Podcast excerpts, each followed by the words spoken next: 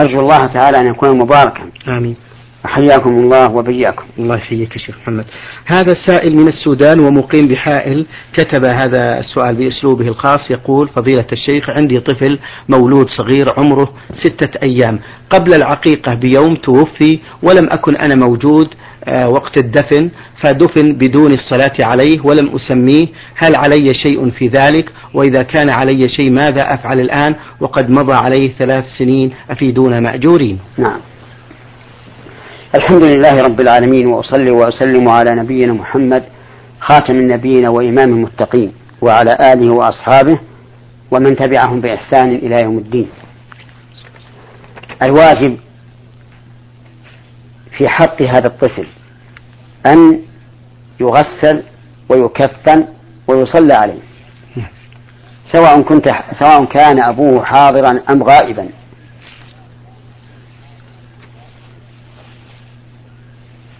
والقضية المسؤول عنها أن هذا الطفل لم يصلى عليه. ولا أدري هل غسل أو كفن أم لا لكن على كل حال الصلاة. فإذا كان أبوه يعلم مكان قبره فليذهب إلى قبره وليصلي عليه ولو بعد ثلاث سنوات. فإن لم يعلم قبره صلى عليه صلاة الغائب. يصلي عليه صلاة الغائب لتعذر حضوره بين يديه. فإن قال قائل لماذا لا تقولون يذهب إلى المقبرة ويجعل القبور كلها بين يديه ويصلي؟ قلنا لا نقول هذا لأنه حتى لو فعل هذا الفعل قد يكون محاذيا لوسط القبور وابنه في الطرف اليمين أو الشمال. فلا يتمكن من محاذاته ولا سبيل إلى ذلك إلا أن يصلي عليه صلاة, صلاة الغائب. أما بالنسبة للتسمية فليسميه الآن ولا حرج. وأما بالنسبة للعقيقة فليعق الآن لأن كون العقيقة في اليوم السابع سنة فقط. ولو ذبحت في غير اليوم السابع أجزأت.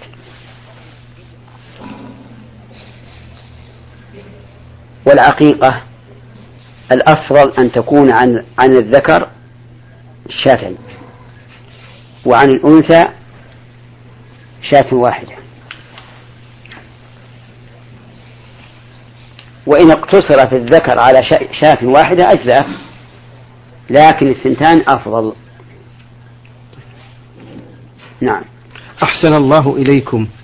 هذا السائل أخوكم عبد الرحمن يسأل يقول متى تنتهي وقت صلاة الضحى وما عدد ركعاتها؟ نعم.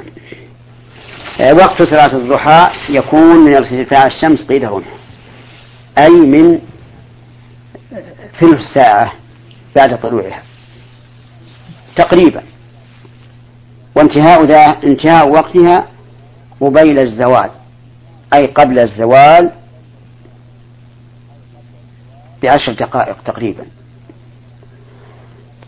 كل ما بين هذين الوقتين وقت لصلاة الضحى. والأفضل أن تكون في آخر الوقت. وإن صلاها في أول الوقت فلا حرج. إن صلاها في أول الوقت فلا حرج بمعنى أنه يدرك الفضيلة. أما عدد ركعاتها فأقلها ركعتان وأكثرها ما شاء الإنسان. ليس هناك حد. فليصلي ما شاء. وينبغي أن يحافظ عليها. لا سيما من لا يتهجد في الليل.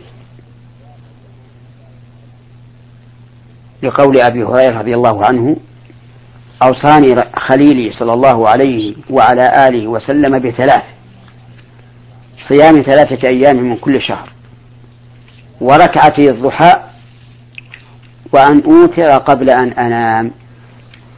وإنما وصاه بذلك لأنه رضي الله عنه كان في أول الليل يراجع محفوظاته من الأحاديث. فينام متأخرا ولا يقوم في آخر الليل. ولهذا أوصاه النبي صلى الله عليه وعلى آله وسلم أن يوتر قبل أن ينام. والمحافظة على صلاة الضحى حتى ممن يتهجد في الليل نعم. فيها فائدة عظيمة. وذلك أنه يصبح على كل سلامة من الناس صدقة كل يوم تطلع فيه الشمس. كل يوم تطلع فيه الشمس فعلى كل عضو من أعضاء الإنسان صدقة. قال النبي صلى الله عليه وعلى آله وسلم ويجزئ من ذلك رك ويجزئ عن ذلك ركعتان يركعهما من الضحى. وهذه فائدة عظيمة. أن تؤدي عن كل صدقة عن كل عضو من أعضائك ويكفي عنها ركعتان يكرههما من الضحى. نعم. أحسن الله إليكم من أسئلته. يقول هل الدعاء قبل السلام يكون بدعاء واحد أم للإنسان أن يدعو بعدة أدعية؟ الدعاء قبل السلام بما شئت. هكذا جاء عن النبي صلى الله عليه وعلى آله وسلم. سواء من أمور الدين أو أمور الدنيا من الأمور الخاصة بك نعم. أو العامة للمسلمين أو التي لك ولأقاربك أو لأبويك. المهم أن النبي صلى الله عليه وعلى آله وسلم لم يحدد قال فليتخير من الدعاء ما شاء. لكن المعلوم أنه لا يجوز أن يدعو بإثم أو قطيعة رحم. نعم. أحسن الله إليكم وبارك فيكم. يقول هذا السائل في هذا السؤال فضيلة الشيخ إلى أصحاب الفضيلة العلماء. أسأل آه، أنا آه، في هذا الرمز اسمي سين سين من مكة المكرمة. يقول اشتريت قطعة أرض داخل الحرم داخل حدود الحرم وبنيت عليها عمارة ولكن عند البدء في العمل قلعت من الأرض شجرة فهل علي شيء في ذلك؟ آه لا يحل للإنسان أن يقطع شيئا من شجر الحرم لأن النبي صلى الله عليه وعلى آله وسلم حرم ذلك. ومن قطع شيئا جاهلا فإن أمكن رد الشجرة إلى مكانها ردها وإن لم يمكن فليس عليه شيء. والذي يظهر من حال السائل أنه كان يجهل كون هذا حراما يعني بمعنى أنه يعرف أنه أن قطع الشجر محرم لكن يظن أنها إذا كانت في في مكان يريد البناء عليه فهو جائز فعلى كل حال أقول أرجو الله سبحانه وتعالى أن لا يكون على هذا الرجل شيء لا سيما وأن الظاهر أنه تاب إلى الله وندم مما صنع. جزاكم الله خيرا. يقول هل يجوز حرق الذباب وسائر الحشرات الضارة في البيت بالآلة الكهربائية أم لا؟ كأنه يريد ما يستعمله الناس الآن يعلقونه كالنجفة. نعم. تصطاد البعوض والذباب وما أشبه ذلك. وجوابنا على هذا أنه لا بأس به.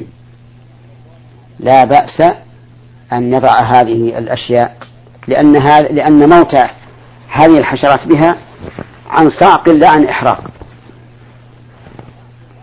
وإذا كان عن صعق لا لا عن إحراق فلا بأس. بل لو فرض أنه عن إحراق وأنه لا يندفع شرها إلا بهذا فلا بأس. بدليل ما حدث به النبي صلى الله عليه وعلى آله وسلم عن نبي من الأنبياء أنه لسعته نملة. فأمر بإحراق قرية النمل كلها. فقال الله تعالى هل لا نملة واحدة؟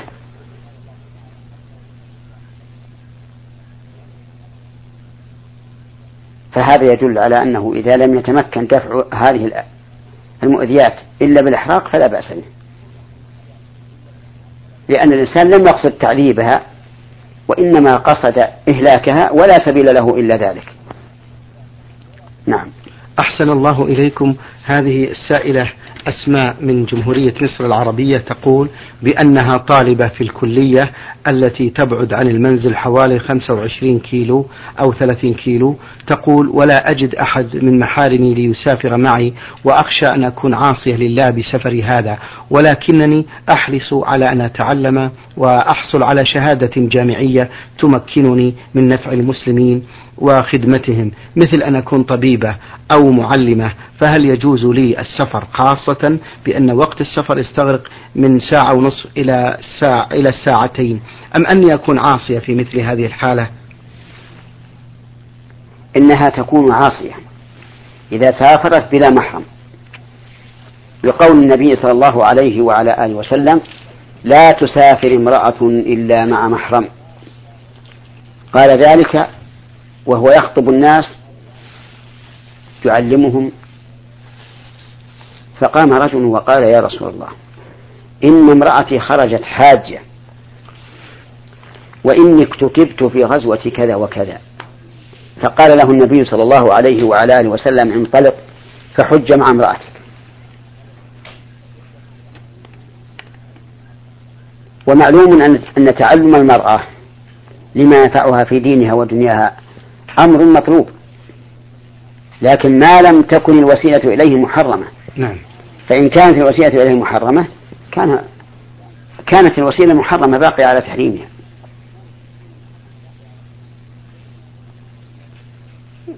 فإما أن يذهب بها زوجها إن كانت متزوجة وإما أن تتزوج شخصا ويكون محرما لها.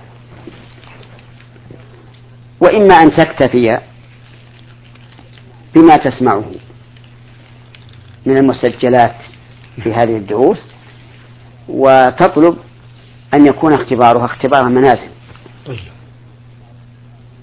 أي بانتساب نعم. أحسن الله إليكم وبارك فيكم فضيلة الشيخ.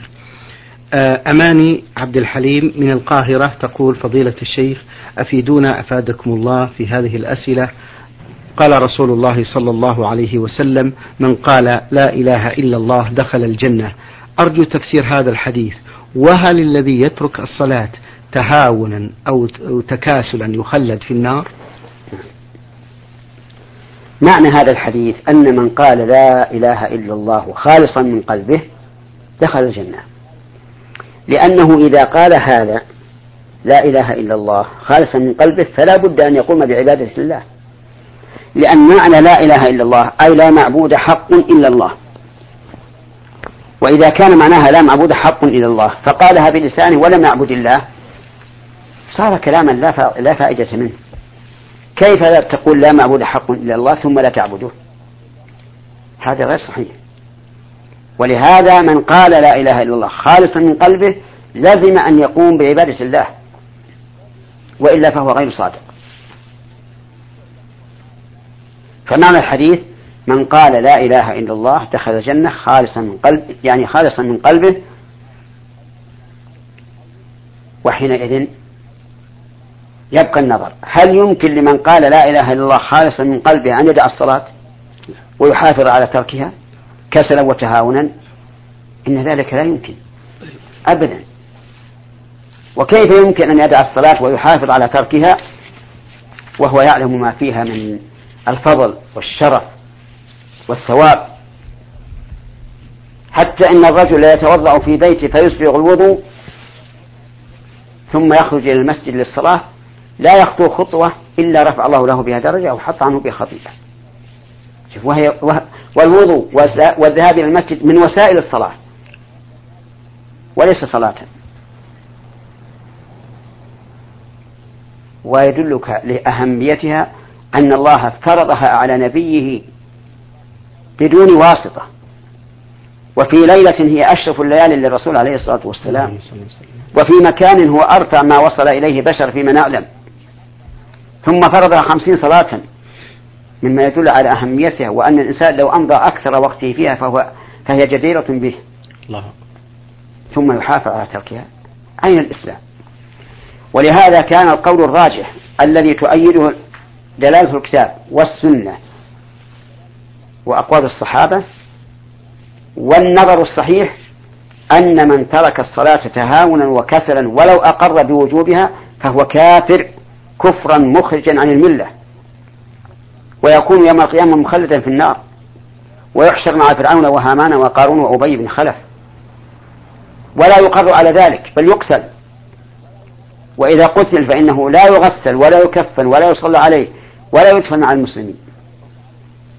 بل يخرج به غير مكرم ولا محترم ويحفر له في البر حفرة يرمس فيها رمسا لئلا يتأذى الناس برائحته ولا أهله برؤيته. كل الأحاديث التي احتج بها من قال إنه لا يكفر كلها إما ضعيفة أو لا دلالة فيها أو عامة خصت بترك الصلاة أو إنها أو قيدت بقيد لا يمكن معه ترك الصلاة. أما أن تجد أحاديث يقول إن تارك الصلاة لا يكفر ولا يخلد في النار فهذا لا يوجد إطلاقا. فالآن أنهى تقدير أن نقول هي عامة وخصت بأدلة كفر تارك الصلاة. هذا أنهى ما يقال.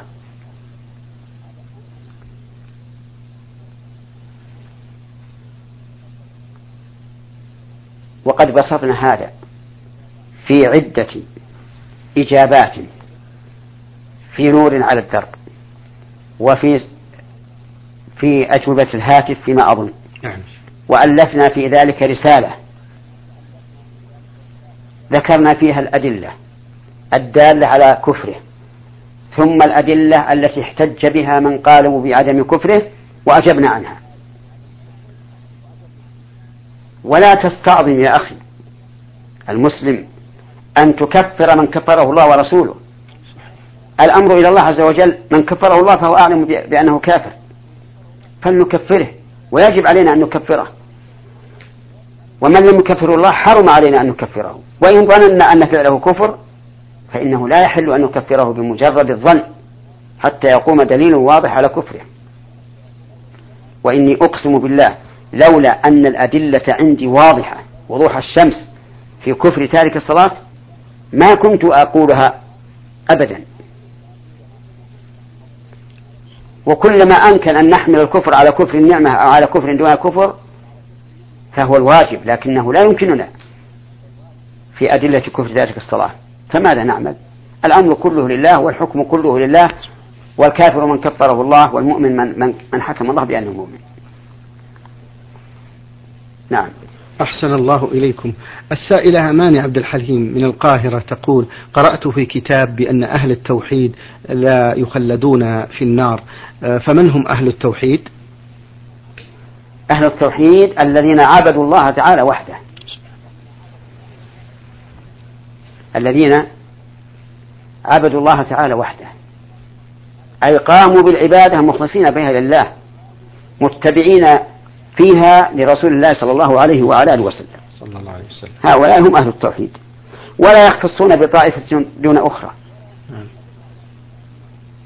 في أي بلاد كان الإنسان؟ ومن أي قبيلة كان؟ ومن أي جنس كان؟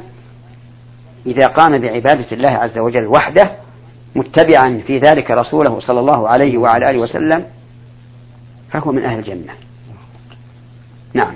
أحسن الله إليكم. في آخر أسئلتها تقول إذا ابتلع الصائم بعضا من بقايا الطعام التي توجد في فمه هل يفسد صومه؟ إذا كان ذلك بغير اختياره فلا يفسد صومه. أو أو ابتلعه ظنا أنه لا يفطر فلا يفسد صومه. وأما إذا كان يعلم أنه يفطر وابتلعه قصدا وعمدا فإنه آثم إذا كان الصوم واجبا وعليه قضاء. وأما إذا كان تطوعا فهو غير آثم لكن لا لا يصح صومه ذلك اليوم. أحسن الله إليكم. تقول هذه السائلة التي رمزت لاسمها بألف سين أهدي إلينا طعام من مال حرام مال ربا. فرددناه إلى صاحبه فرده إلينا فاستحيينا وأخذناه. فهل نعطيه للفقراء أم يجوز لنا أن نأكله؟ يجوز أن تأكلوه. وسبحان الله كيف يرد هذا السؤال؟ لا تأكلونه وتعطونه الفقراء. المهم أن من في ماله حرام. إذا أهدى إلى أحد شيئا فقبول الهدية لا بأس بها لا بأس به. بدليل أن النبي صلى الله عليه وعلى آله وسلم قبل هدية من اليهود. واليهود عامتهم يأكلون الربا والسحت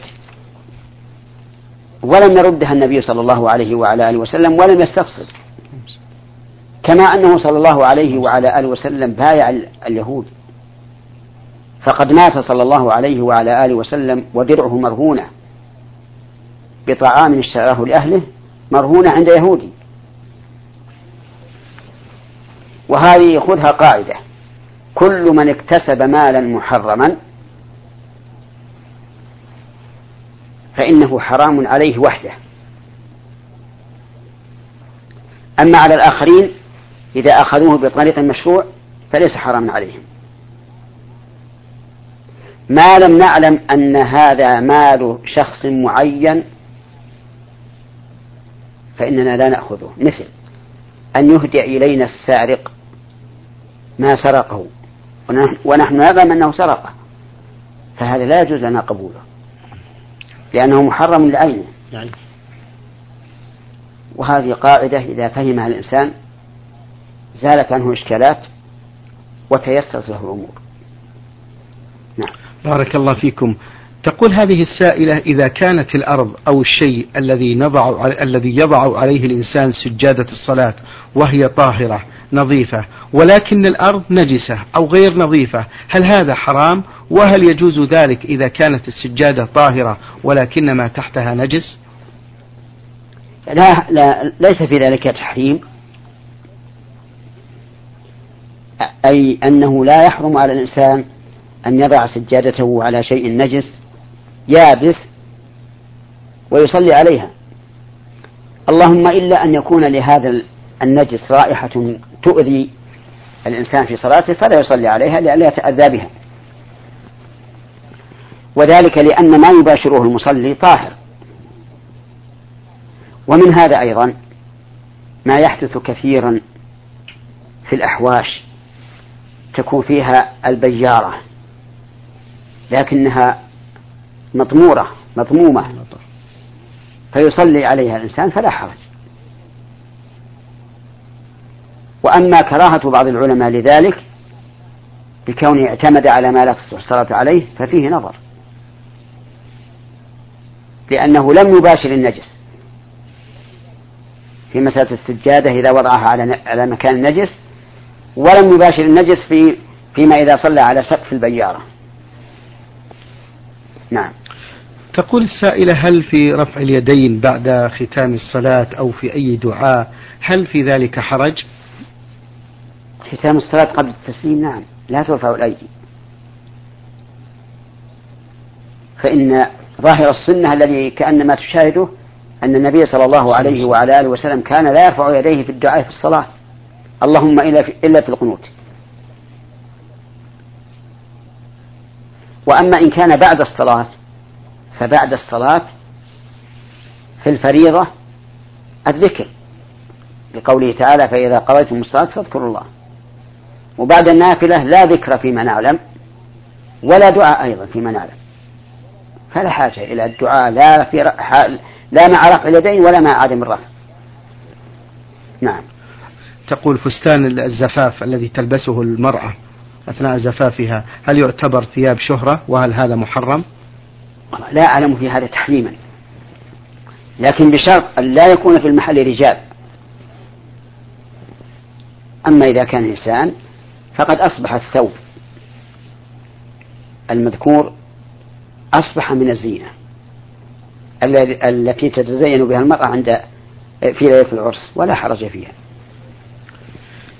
تقول هذه السائلة يا فضيلة الشيخ هل يجوز للمرأة التي تخاف على نفسها من الحمل والإنجاب أن تمنع الحمل بعملية ربط أو ما شابه ذلك مع العلم بأن السن 47 عام؟ هذا لا بد فيه من أمرين. أو من شرطين. الشرط الأول موافقة الزوج على ذلك. والشرط الثاني أن يلحقها ضرر في الحمل غير معتاد. فحينئذ لا بأس أن تربط الرحم إلى أجل مسمى. وأما إذا لم يأذن الزوج فلا يجوز أن تربط الرحم ولا أن تأكل ما يمنع الحمل لأن للزوج حق في الولد. وكذلك إذا كان لا يضرها إلا الضرر المعتاد للحوامل فهذا أمر لا بد منه. فلا تربط الرحم من أجل ذلك ولا تأكل ما يمنع الحمل من أجل ذلك. نختم هذا اللقاء بهذا السؤال للسائلة سعاد تقول ما حكم الحلف بالأمانة لمن لم يعلم بأن الحلف بها شرك وهل يحبط عمله؟ وإذا قاله بعد العلم بحكمها ناسيا ما الحكم مأجورين؟ الحلف بالأمانة كغيره من الأحلاف, من الأحلاف بغير الله. نوع من الشرك لكنه ليس الشرك الأكبر الذي يحبط العمل. فلا يحبط عمل من حلف بالأمانة. لكن كثيرا من الناس يكلم الشخص ويقول بالأمانة لا يقصد اليمين نعم. وإنما يقصد الائتمان. فيقول مثلا إذا حدثه بحديث قال هذا معك أمانة يعني لا تفشيه لأحد. نعم. أو يقول الحديث بالأمانة يعني لا لا تفشيه. أو يقول بأمانة ألا آه، آه، نعم هذا الحديث هذا بأمانة وعهدي فالمهم أن كثيرا ممن يقولون بالأمانة لا يقصدون اليمين يقصدون العهد والائتمان. وحينئذ لا يكون حليفا بالأمان بالأمانة. أما إذا قصد الحليف بها فإنه محرم ونوع من الشرك. شكر الله لكم يا فضيلة الشيخ وبارك الله فيكم وفي علمكم ونفع بكم الإسلام والمسلمين. أيها الإخوة والأخوات في الختام تقبلوا تحيات زميلي مهندس الصوت حمد بن محمد الوابلي والسلام عليكم ورحمة الله وبركاته. نور على الدرب. برنامج يومي